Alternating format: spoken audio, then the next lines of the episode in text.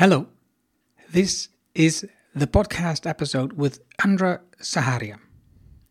If you don't speak Dutch, just skip this Dutch introduction of about 30 seconds. Hallo en welkom bij aflevering 268 van de Anoning Show. Waar je leert van ondernemers en ondernemende mensen die bijzondere resultaten bereiken, welke beslissingen ze genomen hebben om hier te komen, wat ze doen de strategie en hoe ze klanten krijgen. Mijn naam is Arno Hanning en ik deel mijn opgedane kennis, ervaringen en expertise met jou. Ik coach ondernemers zodat ze stap voor stap de juiste beslissingen nemen om uiteindelijk een gezonde groeimotor te creëren, zodat de onderneming vanzelf loopt.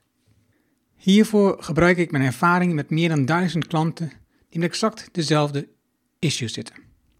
Vandaag het gesprek met Andra Zaharia.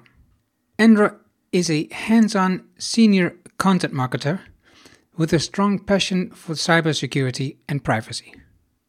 She combines tech knowledge and communication experience to create content that solves real life problems. She believes cybersecurity literacy is instrumental for the future, and her contribution is useful relevant, and impactful content that helps companies and individuals achieve it. Besides her work, Andra is also passionate about decision making and hosts the How Do You Know podcast, exploring all the ways we can improve how we evaluate and make important decisions in our lives. We talk about the tough decisions she had to make a couple of times, the three steps she uses to make better decisions, and she shares the importance and value of the Alt MBA by Seth Godin for her work. What I learned from Andra is the importance of talking with other people about my decisions, with friends, family, and even maybe a coach. Enjoy the insights with Andra. Let's get started.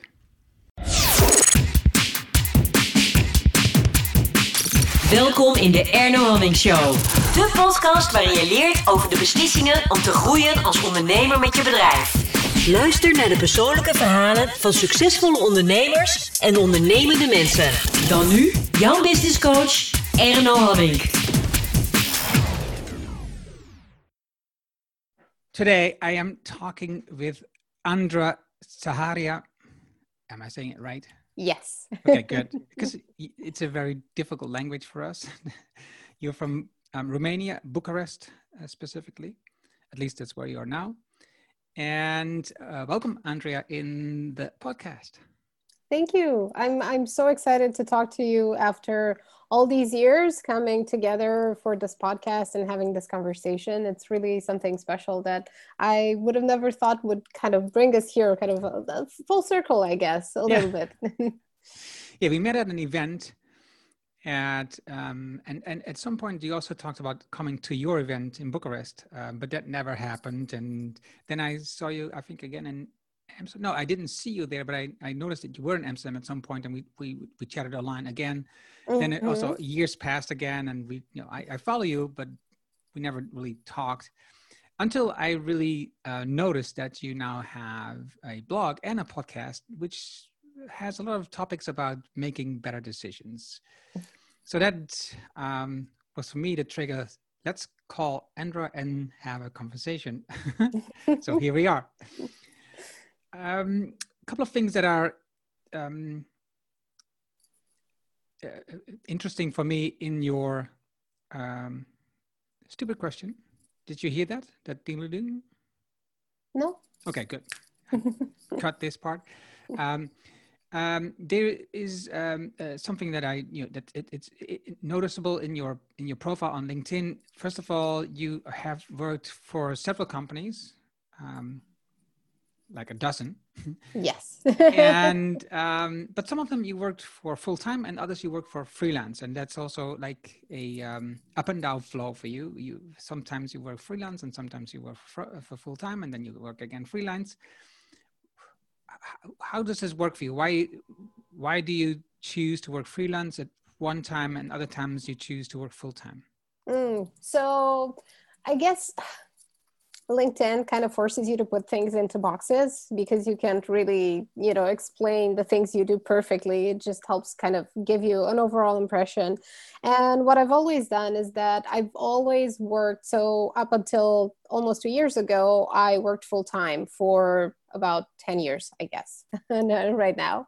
And on the side, I've always had my projects, other projects. So I did a little bit of freelancing, I guess, uh, but not as structured as I do it now. I've always done this. I've always been involved in several projects. Uh, I had a blog in Romania for a long time, and that brought me very interesting opportunities. But then I decided to focus on the international market exclusively. So um, that changed a little bit. And I've always had this so I, kind of without realizing it i built a personal brand but without having necessarily very straight intent. I didn't do it on purpose in the beginning but then i realized that it's very valuable for myself to get exposed uh, to all of these different projects different people different circumstances that have taught me a lot and I think that I've learned as much from my, let's say, personal projects or side gigs or whatever you want to call them. Um, I've learned as much from them as I have from my day jobs that I've had. Um, so I've uh, kind of been, I've, I've followed my key interests, which are kind of at the intersection of communication and technology, and they involve quite a lot of things. Um, um, they involve um, a passion for psychology, for sociology, for uh, all of these things that are connected and that play into understanding how people react, how they act, uh, why they buy things, why they don't buy things, uh, why they kind of rally around certain brands and why they form communities. There are so many questions that uh, I felt were interesting and I I try to kind of answer within in my work and at some point so around two years ago i kept i kept burning out basically. I, I had this pattern where i got very i love my work and i tend to pour all of myself into it uh, which uh, while we many of us know from experience that it's not the best strategy in the long term. Um, but when you're dispassionate you tend to kind of give all of yourself uh, to this professional side of us, which obviously shapes us and builds us, especially when I give that much time to it. It's just that I kept burning out and I looked back and I took kind of a hard look at why this keeps happening. And I realized that it was because I was trying to kind of fit someone else's role. So, a role that was designed for me, but not always by me. Uh, and I realized that I thrived, especially when I had a lot of freedom to kind of design my own role and make my own work and um, have a lot more ownership and decision making power over the things that I thought were important to do. And it was not just because obviously everyone wants these things for themselves. It was because when I was able to do that, when I worked with a manager that really trusted me and kind of gave me um, a lot of leeway and a lot of decision making power is when I had my best results. So it was proven that I needed those things to do my best work. It was not just something that I wanted. It was not a nice to have. It was a need to have for me. And when I realized these things, obviously it was not overnight. It took many years. It took therapy, it took coaching, it took a lot of self awareness and a lot of looking into these things and discussing them with people. I ended up realizing that I need to try to go off on my own um, and shape that role for myself and shape my own business and, and kind of shape my own workflow and see where that takes me. And basically, that's what I've been doing for the past two years.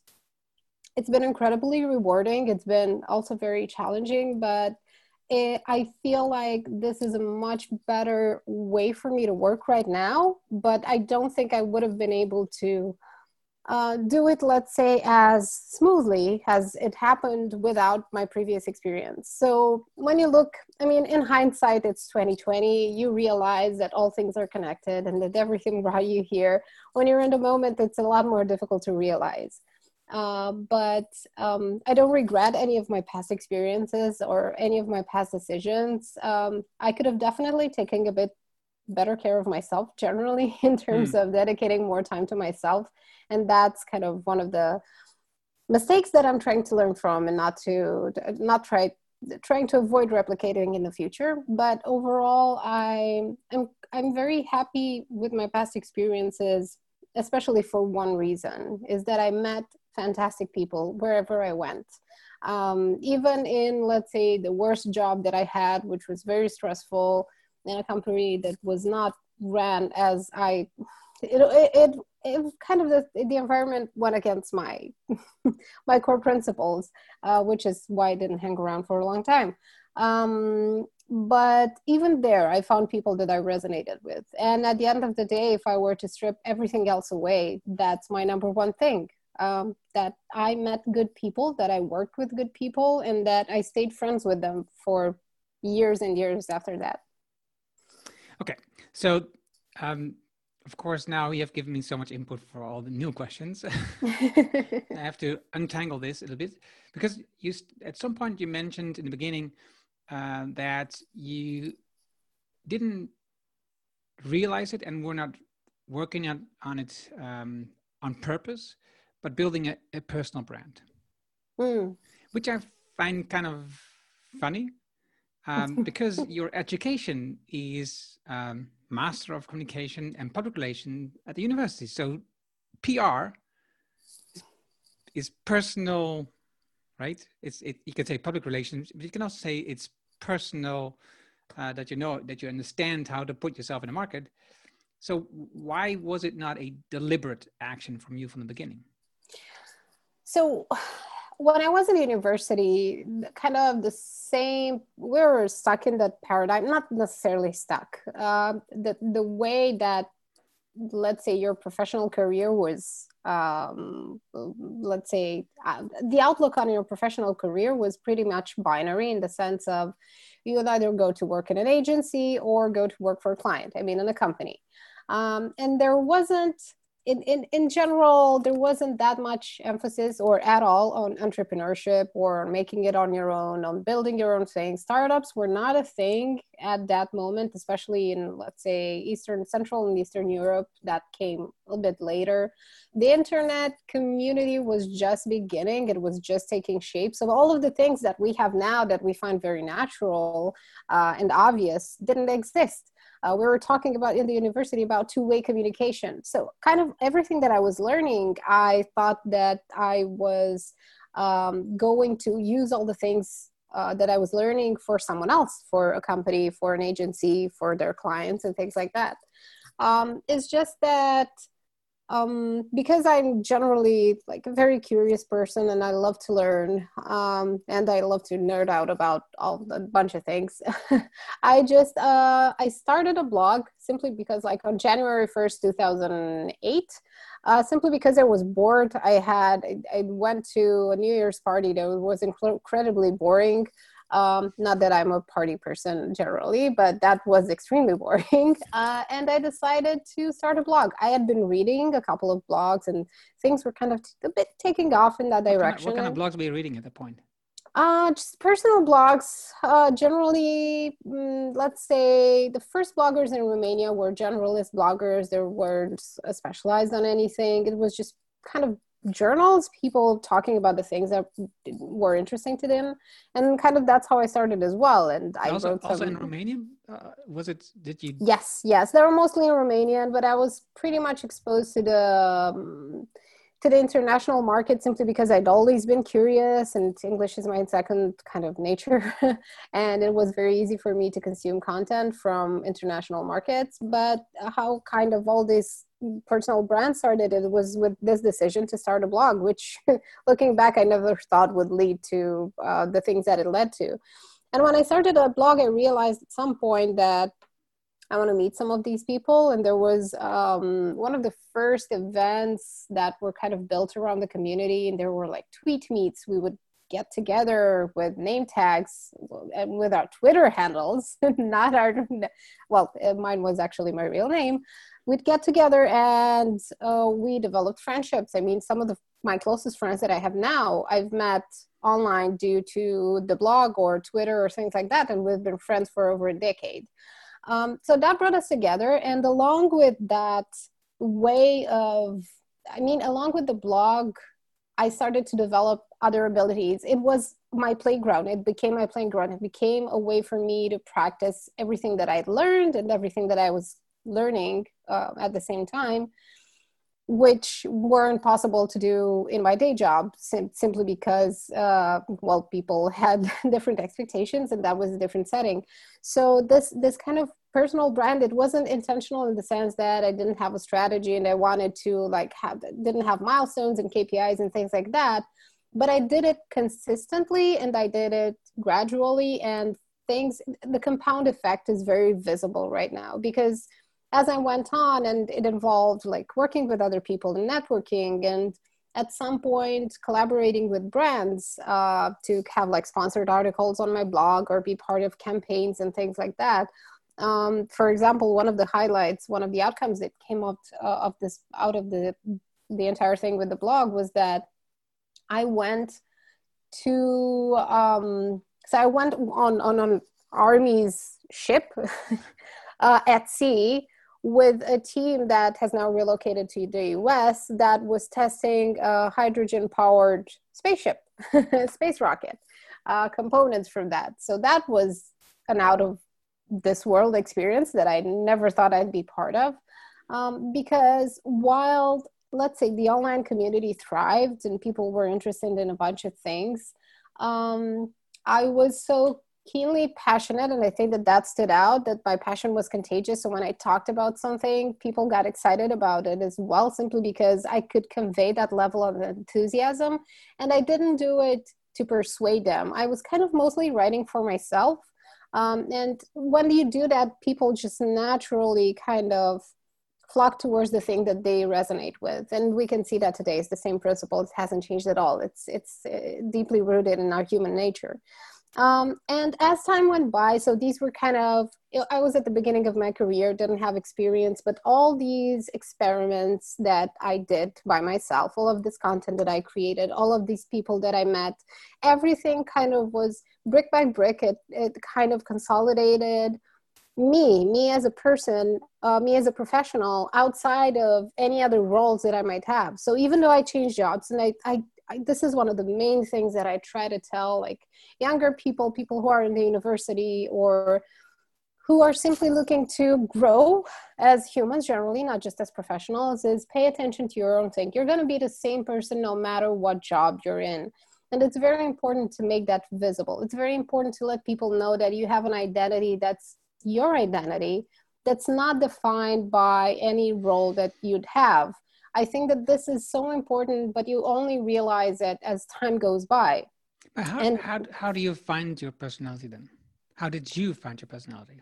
Well, honestly, it's just through doing things and experimenting. Mm. I, I don't think there's a way. I don't believe in formulaic approaches. I don't believe there's a recipe. I don't believe in growth hacks. I just believe in doing the work. The more you sit with yourself and you become aware of what interests you and the things that you keep doing, because um, there's there's this gap sometimes that we don't see in the things that we think about ourselves the stories that we tell ourselves and how we actually behave. And when we look at our behaviors if we track them in any way it becomes very visible the things that we actually enjoy doing because we're going to do naturally we're going to do more of that. Um, so i think it was just through practice through many conversations a lot of reading because uh, i'm a definitely i'm a huge book nerd. Um, and it was just exposing myself to content and to people and conversations that I felt were very valuable because garbage in, garbage out. What we consume shapes us so much, so incredibly much. And I think that I was lucky. I'm one of the kind of little uh, I'm part of a generation that uh, experienced life before the internet and with the internet. So I think that was actually a privilege because it helped me. I think that I have a much stronger radar for bullshit, I guess. And it's much easier for me to see value and to see what's fluff and superficial um, and what doesn't work. Um, and now with social media, it's so easily to get distracted and think that you're consuming things that make you like a better person, but they don't. But they amplify your biases, your uh, frustrations, your anxieties, and so on. So um, it's just been this consistent exposure to high quality people work and conversations and making a mindful choice to step away from let's say useless conflicts or conversations that were leading nowhere or unproductive chit chat or things like that. Uh, i'm not saying that those things don't happen. It's just that i make a conscious decision for example simply i'm on linkedin and obviously like my network keeps growing and i connect with various people. But if i see them in my feed posting or liking something that shouldn't be there or that's not kind of in my interest area i'll simply unfollow them. I don't necessarily did, like remove the connection but i just unfollow them. And constantly curating my feed on twitter and linkedin especially Twitter, has brought me incredible value, incredible resources, amazing people that have become my clients, my partners, my mentors, my trainers, my friends, uh, and that made a world of difference. Um, so I think it's a gradual process. I really believe in the power of process. Mm-hmm. Um, mm-hmm. I don't think that there's anything that can replace that, honestly. Okay, and I guess that this network also brought you into the Alt MBA course by Seth Godin? Yes. So that's actually that's that's one of the best stories of my life and the one of the best experiences. Um, and it goes a little bit like this. So I knew um, kind of I knew this this person. He was he's also a marketing guy. He's a few years older than me. We connected kind of in the online community years ago, years back. We knew each other, but hadn't necessarily spoken directly. He knew of me, of my work, and so on and so forth. And at some point, I was working for the um, startup event and a co working space for startups, uh, where I was employed actually when we met uh, in France at the conference. And he noticed me he knew about my work because i was visible i talked about things i got involved i was active and at some point, this job opportunity came up. He became kind of the um, well, the marketing manager for a cybersecurity startup, and he hired me for the role, um, which was absolutely one of the best experiences of my life generally not just professionally but generally. Um, and he did the alt mba we were both seth godin fans long time seth godin fans.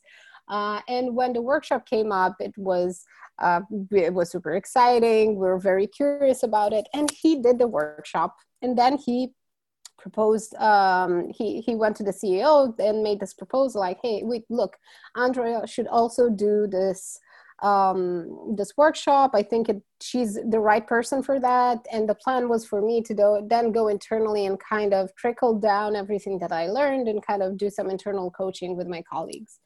Uh, that changed fairly after it happened, but his support, uh, and I was talking about him earlier when I said that he gave me freedom to uh, do my own thing and to run at my own speed. Um, his support in helped me uh, kind of you know g- get into the workshop and and do that workshop. So it was it was this kind of confluence between um, relationships that evolved naturally based on our common interests but that developed over time. And at some point so there are people just like you and me that we we've known each other for years basically but we didn't necessarily talk directly. But at some point there was something there was a spark that made us connect and that made our uh, kind of our journeys um, intersect. And it's happened this has happened to me many many times over um, and then with like fantastic results. So I ended up doing the workshop uh, by Seth Godin, and what often happens sometimes after the workshop is that people quit their jobs. Many people, simply because it's that's transformative. It, it, it, it puts you in a place where you ask like very, very serious, deep questions. So my manager um, decided to hand in his resignation and proposed that I took over the, the entire marketing team, which was very scary for me because I was unprepared. I felt unprepared, and, and in many ways I was. But it was um, an experience that helped me level up incredibly. So I think it, it all goes back to building yourself as a person, but not in a self centered way, but also helping others kind of as you help yourself i think you get better at helping others too if you go to coaching you become a better person and you can kind of give some um, some some types of support that you weren't capable of doing before because you didn't have the vocabulary or the abilities. It's the same with therapy. You get better at you simply develop a new way of seeing things and uh, you develop a lot more clarity. And if you work on building yourself, you can also be more supportive and, and help build others, just like my manager did for me. And I'll always be thankful. We've been friends ever since. I worked in, in a second job with him. We like built teams together. Um, and we're just, he was a great influence on my life generally. And I kind of try to replicate his, uh, let's say, his approach with other people. Uh, and I've seen the results, and they're quite, quite fantastic. so you just mentioned if you, which kind of raised my eyebrow. You say when you help yourself, you're better at helping others, and you explained why. Can you also see it the other way around, or is it maybe circular? When you help others, you become better at yourself. Yes, I think so as well. Because I think that as for example as we're having these conversation if if i were to sit down at my laptop and simply try to write about these things i would not be able to express them as I do now, simply because when you're in a conversation with someone else, you're going to start connecting the dots in many different ways. Uh, you're going to start, I mean, especially when you help others, I think that you become a better version of yourself simply because you put your best self forward, you're generous, you, you try to be helpful. And I think that builds um, a lot of self trust as well uh, I think it builds, let's say, our identity because our identity is always formed through others. We don't know who we are in a vacuum. We don't exist. That's how we're built as humans, and it's it's it's essential that we understand this. Um, so yes i do think that when we help others we definitely help ourselves as well just simply saying things like hey you should sleep more you should like take better care of yourself uh, eat healthier because uh, we don't do this perfectly either but when you tell others it's kind of like speaking to, to yourself as well. And my boyfriend tells me this all the time. He's like you're great at giving advice but you know that you have like there are some pieces of advice that you should follow more yourself. And i always tell him like i know but simply speaking like uttering the words saying the words helps me as well. So i definitely think it's it's a cycle and i've seen this with the alt mba and with great communities in general it's the everything good gets amplified. It gets amplified on, on a tremendous scale. It it helps people create actual change in their lives and in other people's lives uh, in a way that's uh, let's say but magical to me. Okay so when you when your mba um, was over did you also quit your job uh, no, not not then, but um, almost a year later, actually. Right, right. Um, it was not so the, the, the leveling up for me in terms of handling an entire team and uh, growing many things and being involved in not just in marketing but also in sales and product marketing and leadership and being in a company that was growing really fast was a big enough challenge for me and i felt good about the team i felt good about what we were doing i really really enjoyed it um, at some point i realized that i was being a little bit pulled in a direction that was not necessarily didn't fit me that well so i love um, I, I i have like a hand in various marketing aspects uh, but what I love is content marketing, especially. I love organic growth. I'm a big believer in this. I'm a big believer in in ethical brands and creating like authentic relationships and then helping put out that expertise that's encapsulated in a team especially in smaller teams because i love working with with startups and, and smaller companies and putting that out there. Because sometimes uh, well always the shoemaker doesn't have time to mend their own shoes and then that that applies to me as well. Um, so basically um, that was a big enough challenge for me but at some point i realized that i was being kind of pulled it towards into a towards a more salesy direction and it doesn't fit me. So that's when i decided that i wanted to go on to the next challenge. That's when i kind of um, uh, stepped into a new company and built like the entire content operation and their processes hired people and placed everything together. But what changed because uh, I know that you might ask me what changed if if I were if I was doing exactly what I wanted is that the management part took a bit of a toll on me. So mm. I I had I worked with great people. It was an amazing team, um, but I, I I tend to I simply was I felt depleted uh, through kind of handling everything that we were meant to handle in terms of management and then doing also the content part the strategy part which is actually my favorite. There was too much management and too little of the things that i found rewarding and valuable. Um, and uh, let's say that the company culture wasn't exactly what i wanted what i didn't feel that good about it. It wasn't necessarily going in the direction that I enjoyed. Um, so that's when I decided that if I want to be, let's say, in a in a culture, in a in a place, in an environment that really suits me, then I should design that myself. so that's what led me to to go into freelancing. But it was all possible because of the altMBA. Um, that was an inflection point for me, simply because I keep going back. I mean, the questions and the principles that we work with, I keep going back to them. I use them every single day, and there's no exaggeration here.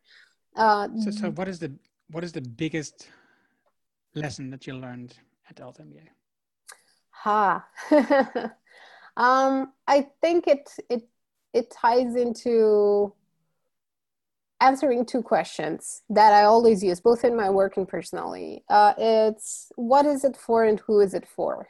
And if you ask them enough times, you'll find out that the answers that you first came up with are not the real ones. Um, and the more you dig into them, the more you kind of get clarity. It's it's the same with the concept of ask of why of asking why, which Simon Sinek did uh, a good job at popularizing. Um, but I think that if you manage to answer these two questions, you're going to have a much clearer idea of what decision you're supposed to make, what path you're supposed to go on, and it simply clarifies everything. Um, and then there's uh, kind of the second thing is, I guess, the altMBA motto, which goes uh, around the, the, the idea of people like us do things like this. Um, and to me, that's an excellent standard um, that's not uh, let's say sinking to the lowest the lowest denominator. It's actually climbing towards the best version of ourselves that we can be. Um, and that to me felt like a, a, powerful connection to other people no matter where they are no matter if i know them or i don't. I know that if we share the same principles and values we'll instantly connect. And that's happened to me a lot over the past years. The, so you've taken quite a number of decisions at those um, turning points of jobs and going freelance, um, but also a number of times, like you mentioned, you thought it was going to go that way, and it just wasn't that way, or just it changed. How can you, as a person, um,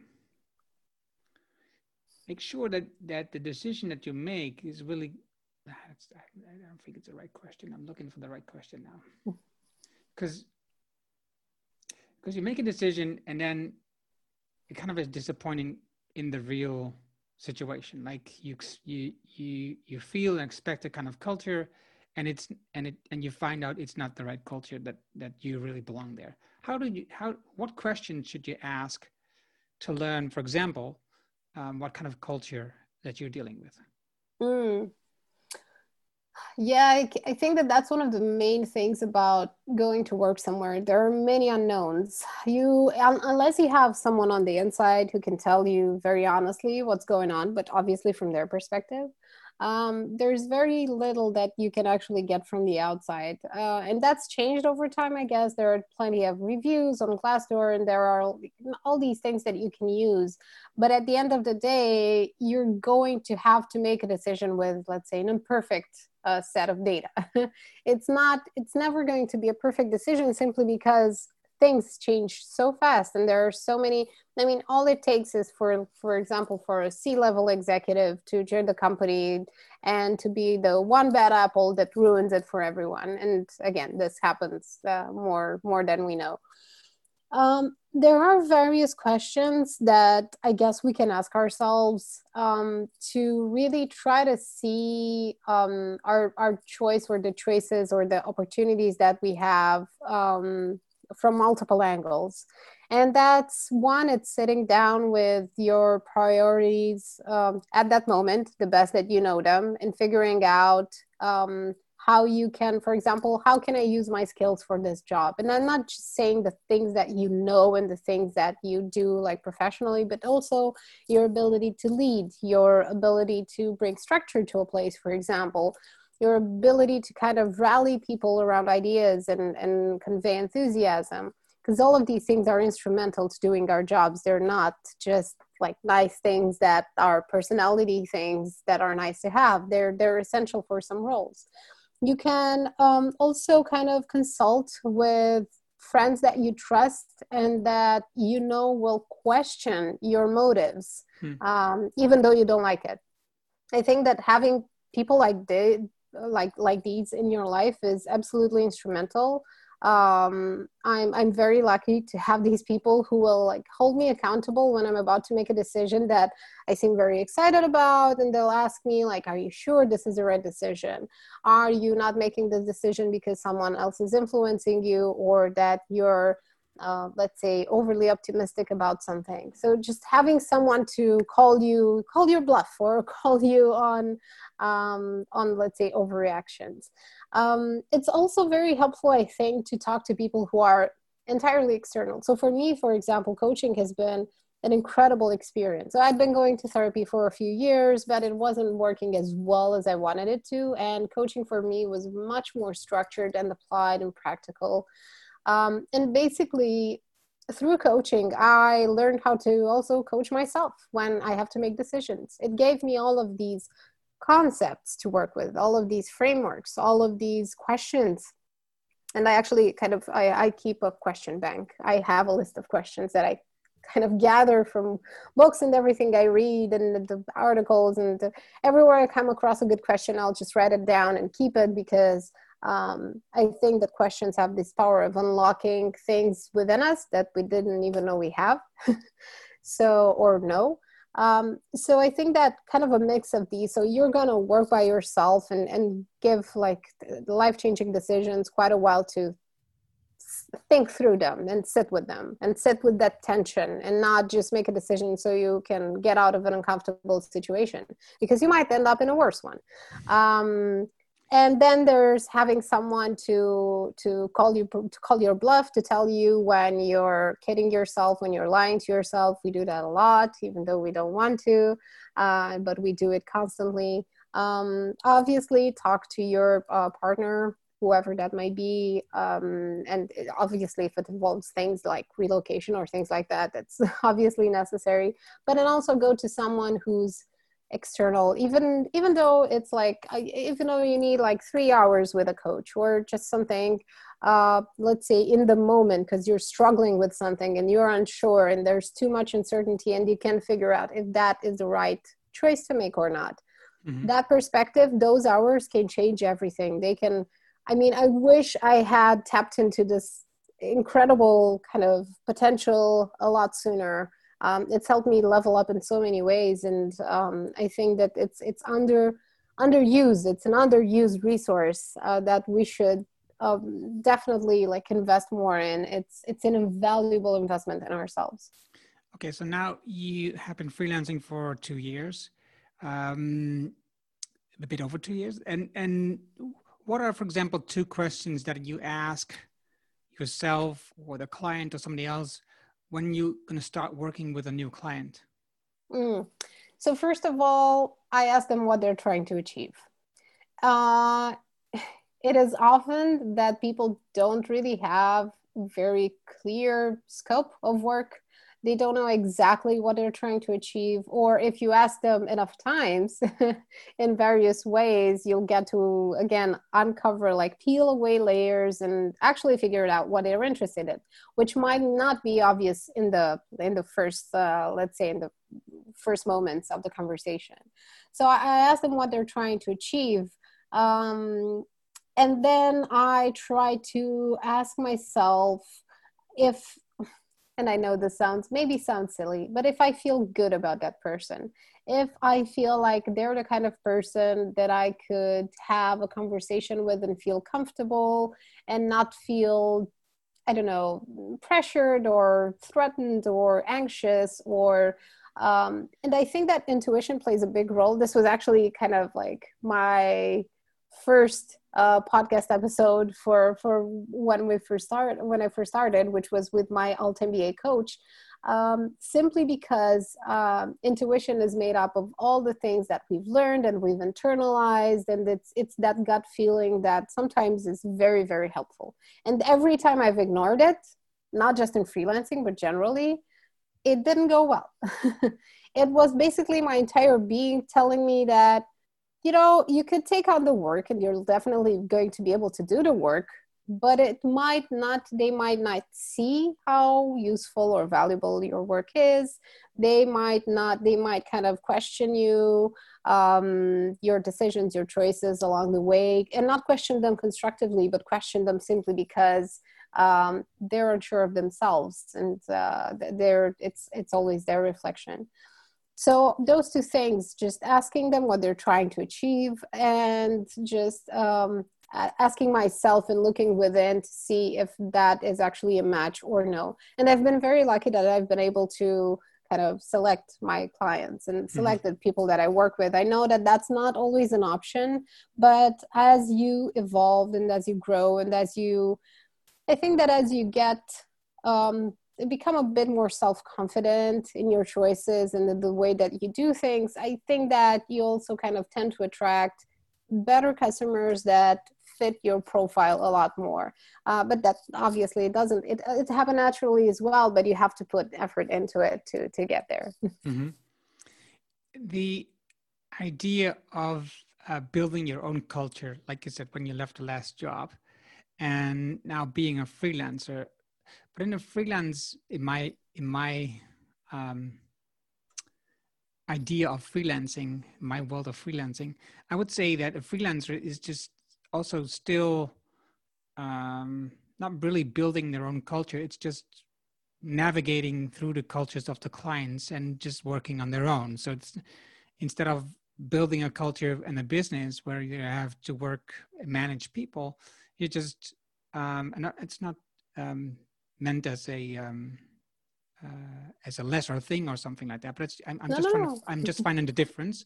Um, but do you see yourself building a, a bigger company, a company with employees? Uh, not at this point, but to your earlier point, um, it's true that while I'm, for example, I, I work with clients in the long term. I mean, my two main customers at the moment, I've been working with them for almost a year, uh, over a year with one of them and almost a year with the other one. So it's a long-standing relationship, and I'm basically uh, not on my own. I'm actually like kind of part of two teams, which is a really great feeling. And I feel that even though you're um, like a one-person operation, I, I loved Paul Jarvis's book, Company of One, and I think that that that the simple idea, the simple concept really resonated with me. Because as a freelancer, uh, if you want to really be professional, you're going to build your own processes, you're going to build your own approach, you're going to have your own content. So you're going to be like a micro company of one, indeed, but still with all of these things that represent you, that play into your principles, your way of doing the work. And i found that especially with smaller companies that aren't as structured and that don't have like processes and they're basically building them I have worked with these customers and I've kind of given um, if influence their culture a little bit uh, and try to bring kind of my way of doing things and share it with them so we can both build processes that work for them in the long term because my my work is a combination of strategy and implementation so strategy always has a culture component. You can't do effective strategy in business content or anything else if you don't have internal buy-in, if people don't speak the same language and have a shared vocabulary. So that, for example, is a way of me, I mean, having to train people, work with other free, freelancers and so on and so forth, in my opinion, is, is one way of, let's say, uh, dispersing culture or kind of spreading your own way of doing things. When you're tweeting when you're writing on linkedin it's the same thing. It's it's it's a it's it's a, it's actually a collection of acts of leadership that you're doing for yourself by yourself but that doesn't mean that they don't resonate with others that they don't stick to others um, mindsets. Uh, and all it takes is a, a spark and an aha moment uh, to get you going and to pursue a certain direction. And i've been very fortunate uh, to work with founders and CEOs who are very, very culture aware and who are very, um, the importance of culture for them is extremely clear. And that's one of the things that brought us together because we, we shared this principle of people have to be happy and supported and um, they have to, they need freedom and ownership so they can grow and evolve and, and become better professionals and obviously help kind of move the company forward. Um, at this point i am not so at, at, at this point in my life i don't necessarily want to start a company but i know that that could change but even though things will change in unexpected ways and as we've seen this year this is the one thing that it's is very clear it's it might be cliche but yeah change is the only constant mm-hmm. um, whatever happens um, I know that I'm going to be the same person. I'm going to still be me, and I'm going to still uh, want to um, sleep easy at night because I did things that align with my principles and with my kind of core beliefs um, that have evolved in time but haven't changed fundamentally. At what point did you came up with um, the topic decision making as an important topic for you? Mm. Uh, it was also during the altMBA. So we worked with a couple of concepts uh, around decision making and business, well, ideation in general, uh, not, uh, well, uh, particularly applied to business, but in general. Um, we worked a lot with the concept of empathy and receiving and giving feedback. Those were some of the topics. And decision making kind of stuck with me simply because it was um, exactly at that kind of intersection that I was talking about uh, at the beginning of our conversation between communication and uh, all of these other disciplines that play into our lives because it's such a complex topic. Uh, on the surface, it doesn't seem so, but when you start to unpack it, you realize that everything that we do uh, is shaped by the choices that we make big, small, conscious, unconscious. And the more I read about um, neuropsychology, how the brain works, how we respond to certain things, what emotions, uh, kind of how emotions shape our behavior, um, how our health influences everything that we do, obviously, uh, I started to find many patterns um, that were all kind of tied to making choices. And one of the big parts in my work uh, and in my freelance gigs when I was employed was doing interviews with people. And I've interviewed like DJs and uh, marketing professionals and cybersecurity specialists and like a range of different people. And studying their mindsets, these people were some of the best in their field. And I've, I couldn't help but see patterns in their behavior. And one of those patterns was that they were quite intentional about their decision making process. So they would give a lot of weight to that. They would um, not just make choices to escape an uncomfortable situation or to move towards a more pleasant one, a more rewarding one. Uh, they made choices knowing that um, it would shape their future for the better or for the worse. So they did it, they kind of were uh, not necessarily structured, but simply they were very aware of this particular kind of thing in their lives, this particular experience. So the more that I started reading about that, I realized that my own choices, let's say, um, they had, I thought them through, but what the more you kind of develop your decision making muscle, the more opportunities you see. And I felt that sometimes I didn't see all the opportunities that I had available, even though I think that I did a, a decent job at capturing many of them. Um, but I could have given myself a lot more freedom um, simply because this ability plays into everything that we do. Um, it shapes how, even how our brain evolves, uh, the type of information we consume, the habits that we have all of these tiny traces or bigger ones um, help us um, either prevent like big issues in our lives, big problems. Um, and because I also saw people in crisis situations that could have been avoided, I guess that I wanted to avoid that. I'm, I'm me as a person. I'm very, uh, I'm not, I'm quite risk averse, um, and I quite have a, like I have a big need for certainty, and learning more about decision making has taught me both how to make better choices to um, have let's say a, a, a, bit see a bit more into the future just a bit more not not that much but it still gives you that and that plays into my need for certainty. But at the same time it showed me that we're always going to make decisions with the information that we have now and that's not gonna be enough uh, but we still have to make those choices. And it's just important that we fuel our progress and that we become more aware of the choices we make as we go on like one by one. You don't have to instantly like postpone every other choice that you're going to make and shut yourself in a room and wait there until you're really ready to make your next uh, your next big choice. It's about just uh, making sure that you pr- progress and that you feel that progress with intent and that you you know you know step by step it gets clearer where you want to go what you want to do the people that you want to hang out with how important your health is compared to other things in your life uh, how much time you should dedicate to something um, and you know how much less time you should spend on something else um, you get so, so, to hold, hold see on, this uh, puzzle. I, I have this point in my mind now for a couple of minutes now and you just you, you just keep moving further and further away from it. Maybe not but let's find out. Because you just mentioned before freedom. So, so can you um, explain a little bit what you mean with that part?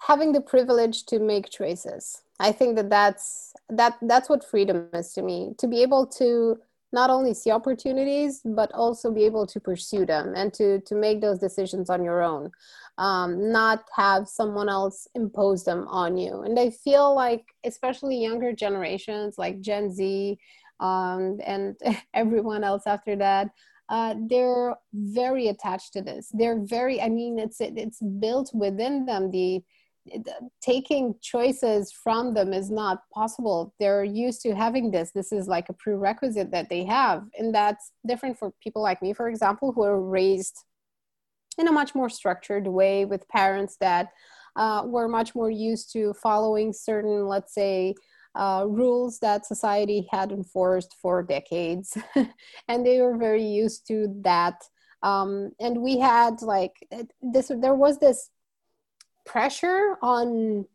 let's say my generation specifically there was this kind of every decision that you make could break you could either make or break you there was like huge pressure on every kind of major life choice this is going if you screw this up you're going to ruin your entire life that's what I heard like many times over in my childhood.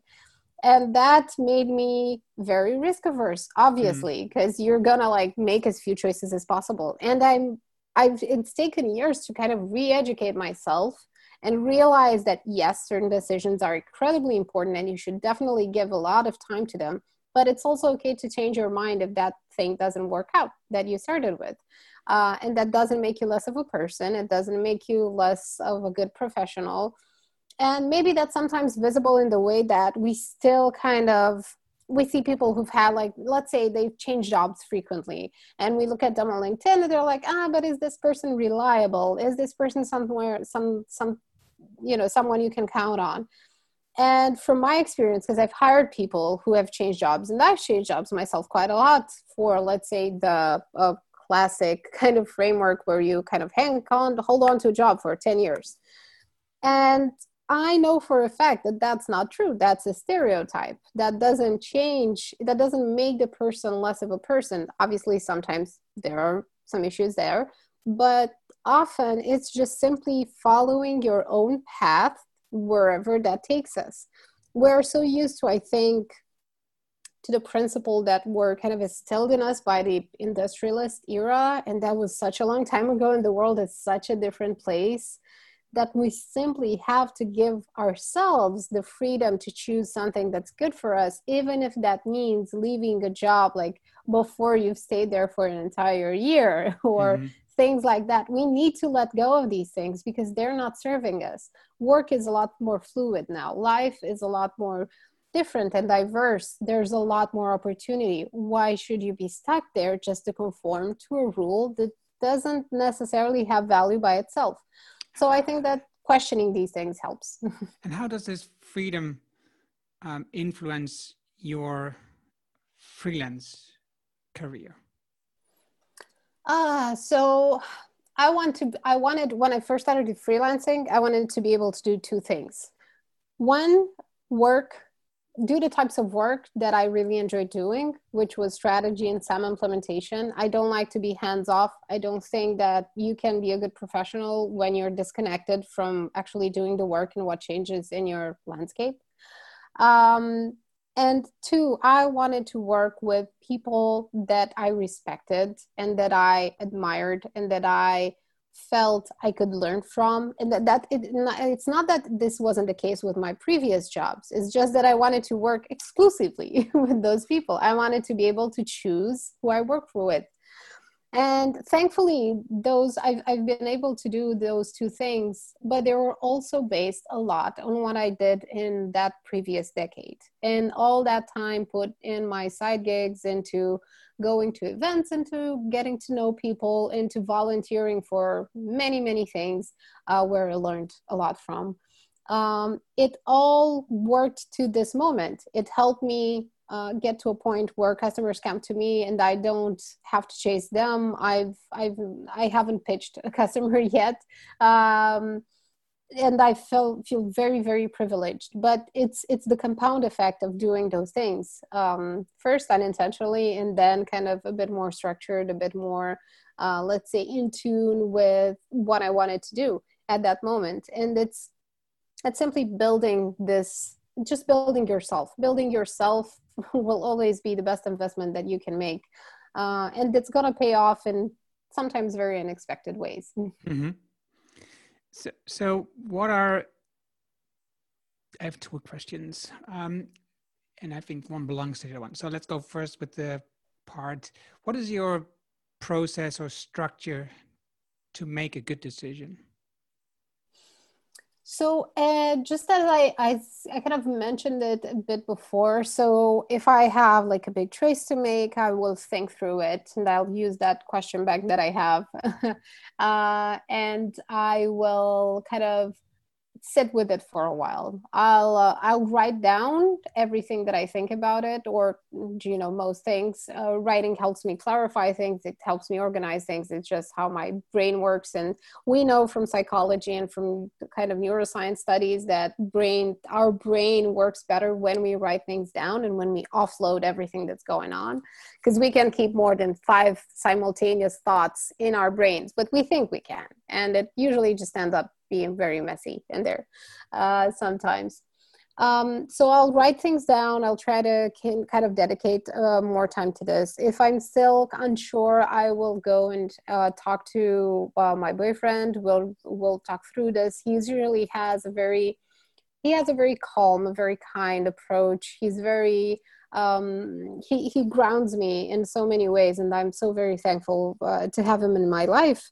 And then uh, I will go talk to friends, to the, the friends that I told you about, the friends who will not be, they're always supportive. I know that they want the best for me. That's why I trust them to tell me, like, hey, this is not, this doesn't sound like something that would, you know, that fits you, that would do you well. Have you thought of all these other things that might be in the background?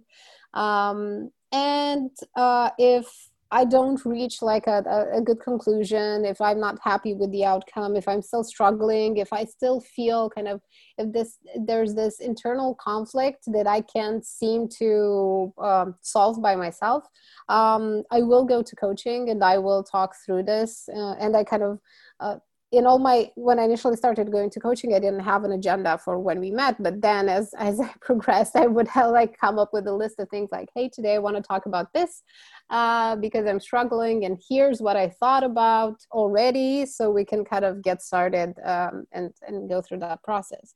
So it's it's a let's say a fairly I, have replicated this framework a lot. I've mm-hmm. replicated this quite a lot in the past years, and it's always served me well. And I feel like I've made incrementally better decisions for myself. And I, I, I can feel the results. I can feel like I'm moving further away from overworking, although that's still an issue for me. But I'm I've gotten better at that. I've gotten better at stopping when I feel like I'm overdoing things. Um, I've gotten better at setting boundaries which has been so hard for me for such a long time with clients, with family, with even with friends. Uh, when I feel depleted, I will just tell them I can't do this right now. I'm like emotionally unavailable and I need some time for myself uh, without worrying that they'll reject me or think less of me and things like that. So uh, I, I, can definitely see the results. It's always a work in progress, it never ends. It's like, mm-hmm peeling an endless onion. You peel away layers and layers, but you never actually get to the core. But it does get a lot better, and you feel a lot more grounded, and you feel more like yourself, um, which I think is an incredible feeling. And that's where you can like build things and do more good around you. So, so the process kind of like write stuff down, what's in your mind, what's going on, talk to family, friends, uh, who support you and ask what they think about it. And if you still don't have reached to a conclusion, go see a coach and go through the process with him or her. Yes, that's that's cool. Um, so you started your podcast in 2018. How do you know? Um, what is because this is your process, and you've talked about all these guests about their decision making, about their decision making process. What is what is some of let's say two of the things that you learned from the last two years of asking questions in your in your podcast? Mm. So I've had so many unexpected stories come up in the podcast about people moving, about people having children or not, about people uh, shutting down a business, starting another. So many different aspects of their lives because uh, again I, I wanted to what it, my goal was with the podcast is to understand where these people came from in terms of their their mindset what their intentions were behind all their work. Because everyone talks about work and tactics and things like that but uh, very few people uh, including yourself you know talk about what's behind it what fuels all these things because people go on to do like a number of things in their lives. Uh, but it's it's what's behind them it's the process behind them that i think is very valuable and two of the things that um, I found out while while talking to to these people is that they have consistently and constantly built their awareness their self-awareness. They are people who all of them no matter where they are from no matter what they do they're constant learners. They're they, they have this habit of learning this discipline of learning and applying not just learning but actually practicing what they learn. Because you can like get a, tons of information and not do anything with it and it doesn't really stick. It only mm-hmm. sticks if we do something with it repeatedly actually. Um, so it was this thing. And and the other thing was that these people kind of um, expose themselves um, in a way so they they sometimes they often worked in public. Um, and they got a lot of feedback from that. They got to test a lot of things. So it was not just building their self-awareness let's say in private but also sharing a lot of themselves and a lot of their work in public.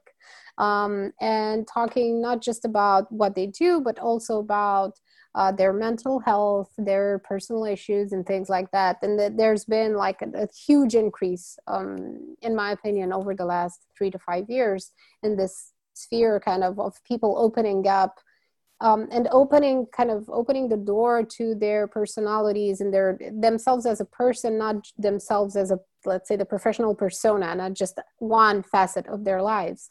Um, and i think that it was the same as we were talking before. Uh, the more you try to help people or talk to people about certain things the more things become clearer uh, and more accurate for yourself.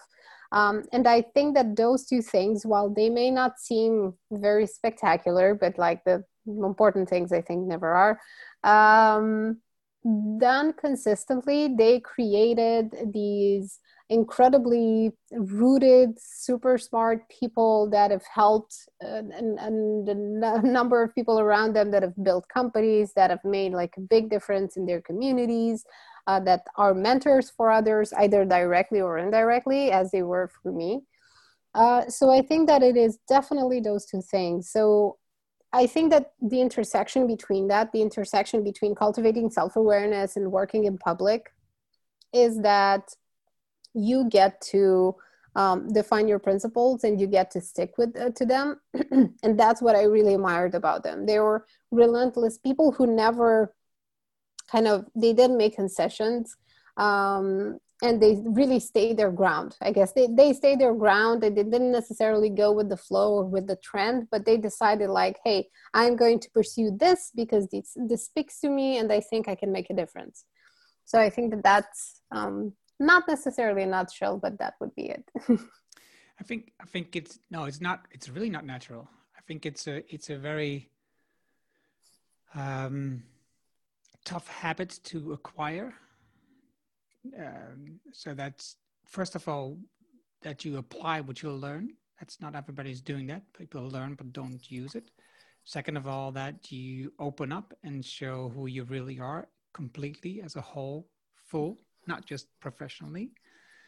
It also means that you get attacked by people on your mm-hmm. personality, and that's going to be it's going to hurt because you open up and you you you show um, vulnerability and then you get attacked and and that's just a point where it hurts the most because if you get attacked on your persona you can just say okay that's the persona that's okay but if they attack you personally it's well it becomes more um, hurtful.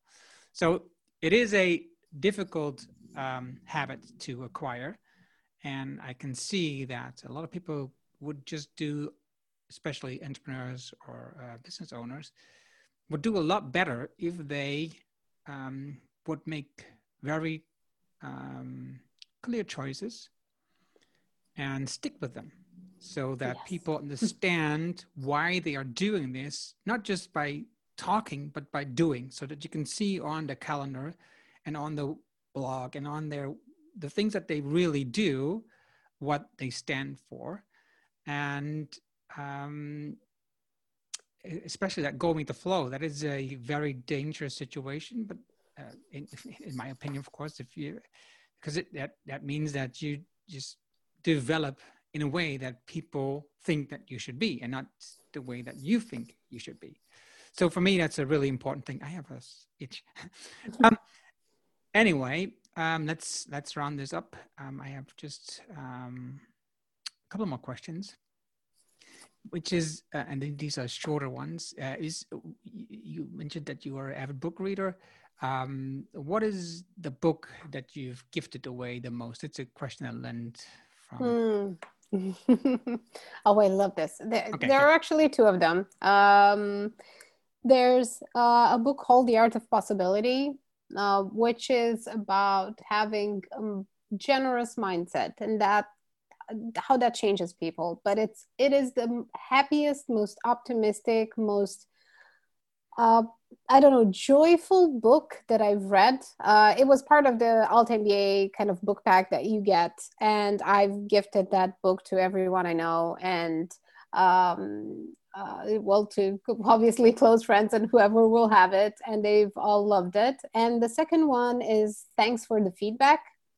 It is the absolute perfect, wonderful, and let's say complete book on the topic.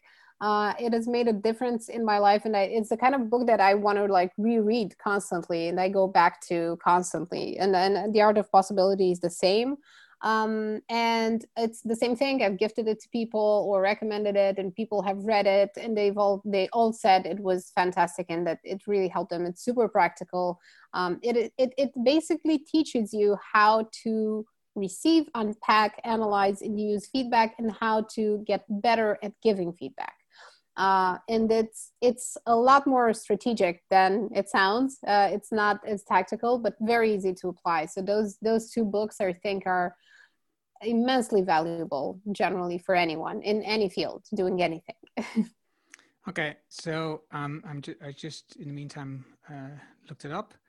Um, Douglas Stone and um, what's her name? Sheila Heen are the authors of uh, Thank You for the Beat Feedback.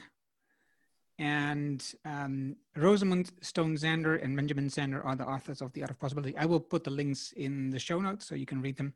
Also, you mentioned before The Company of One.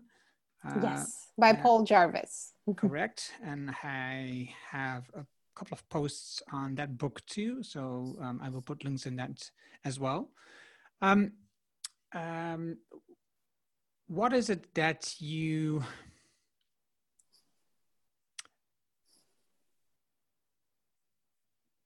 okay um, uh, let's say you have a billboard a really large one online offline really doesn't matter but a lot of people will see the billboard and um, you can put a message on that uh, which is non-commercial what would the message be Ha, wow. That is, um, yeah, that's a very thought provoking question. Um,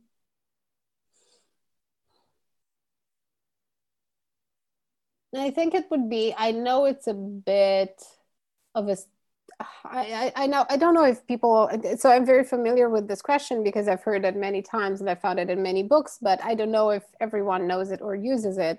Uh, I found it to be especially revealing, which was you know what would you do if money were not an object?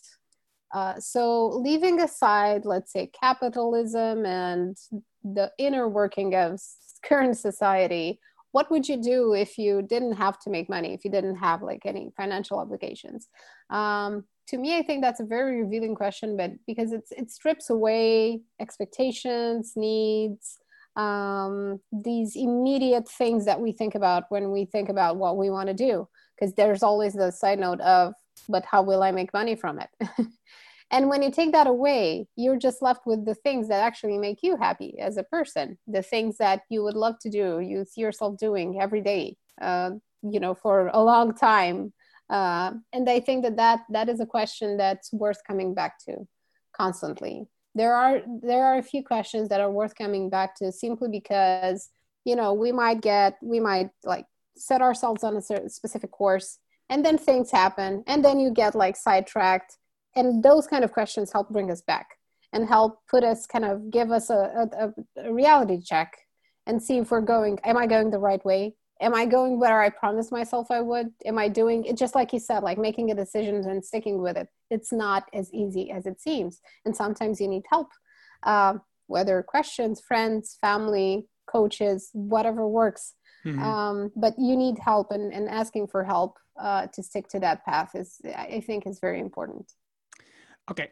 I have one more question, which was from your one of your posts. Um, you talk about an untouchable day. Mm.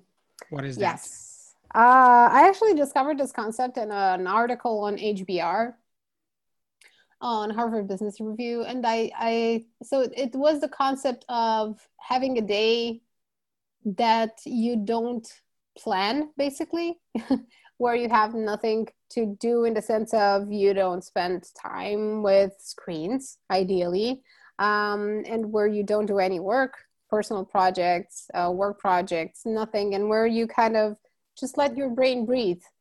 We have so little room to do that and i, I experience this myself. Sometimes i just want to I, am not the kind of person who is lazy, and I don't think I could ever become.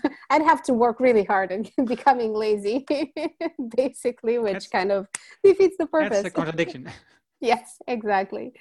Um, but I do have moments, uh, and I've, I've experimented with this, and it, it worked great for me. And uh, now that you've reminded me of it, I, I will try to kind of work this in just giving your room your brain room to breathe just to not think of things. It's when you know we get our best ideas in the shower simply because that's when the brain has time to connect the dots and to kind of take all of this like the, the, the, huge amount of information this entire volume and kind of try to make sense of it.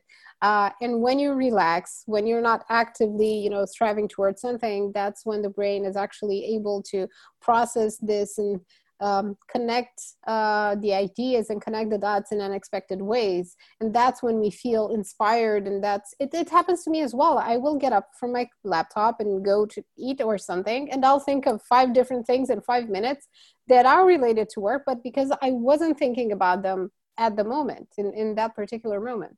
Um, so that's kind of the the concept of the untouchable day.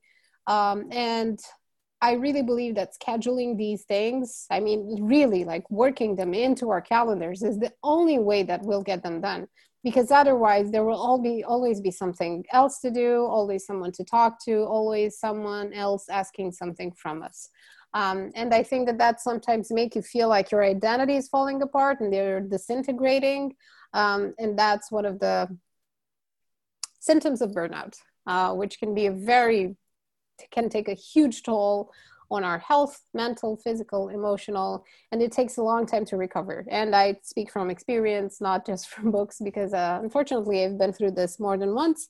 Um, but I do know that learning about this experience and understanding why it happened uh, and how it happens and paying attention to the signs really helps us get better.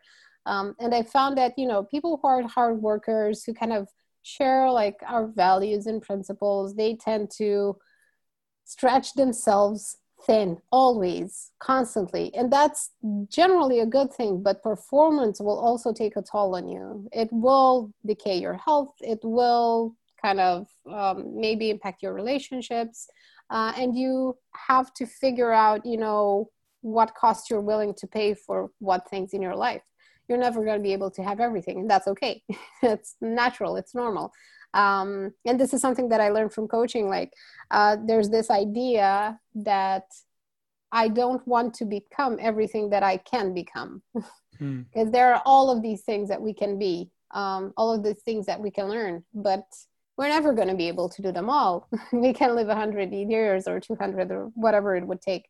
Um, so we have to figure out you know what we're willing to live with that's going to be left unexplored and un you know un undecided i guess right again tough decisions yes okay andra where are people gonna find you how can they get to you how can they reach you uh, the simplest way is on Twitter, uh, and that's where, so at Andra Zaharia, just, you know, make sure you follow the link. I'm sure you're going to add it to the episode description. It's, it's easier. I know it's not an easy name. uh, I, am on Twitter, and from there, you like you can find links to to my website, and there's the podcast there, and various other things. And I'm also on LinkedIn. You can also Google me. Um, uh, I'm fairly, I, it's they're like 10 out of 10 chances I will be in the top 10 results. You don't have to go to the next page where the bodies are buried. Um, so uh, yeah, that's that's where people can find me the easiest. okay. Thank you very much, Andrea and we'll talk to you soon. Yes, thank you as well, Erno. This has been a, a, fantastic conversation, and it's it's given me so many other things to think about. So thank you for that. Dat was het mooie gesprek met Andra. Je vindt de namen en links die we noemden in het artikel dat bij deze uitzending hoort. Ga daarvoor naar ernohannink.nl slash show 268. Hier vind je ook de boeken die ze genoemd heeft. Vergeet niet te abonneren op de Erhanning Show via iTunes, Stitcher of Soundcloud. Heb je een iPhone? Heel simpel, er zit standaard de Apple Podcast app op. Open deze app, zoek op de Erhanning Show, klik op abonneer en vanaf dat moment krijg je vanzelf de volgende aflevering op telefoon. Heb je een Android-telefoon, installeer dan eerst de Player FM app bijvoorbeeld. Open die app, zoek de Erhanning Show op en klik op abonneer. Heb je vragen, opmerkingen, reacties over deze aflevering met Andra of over de podcast in het algemeen? Stuur dan een e-mail naar podcast.ernohanning.nl. Ik hoor super graag van jou.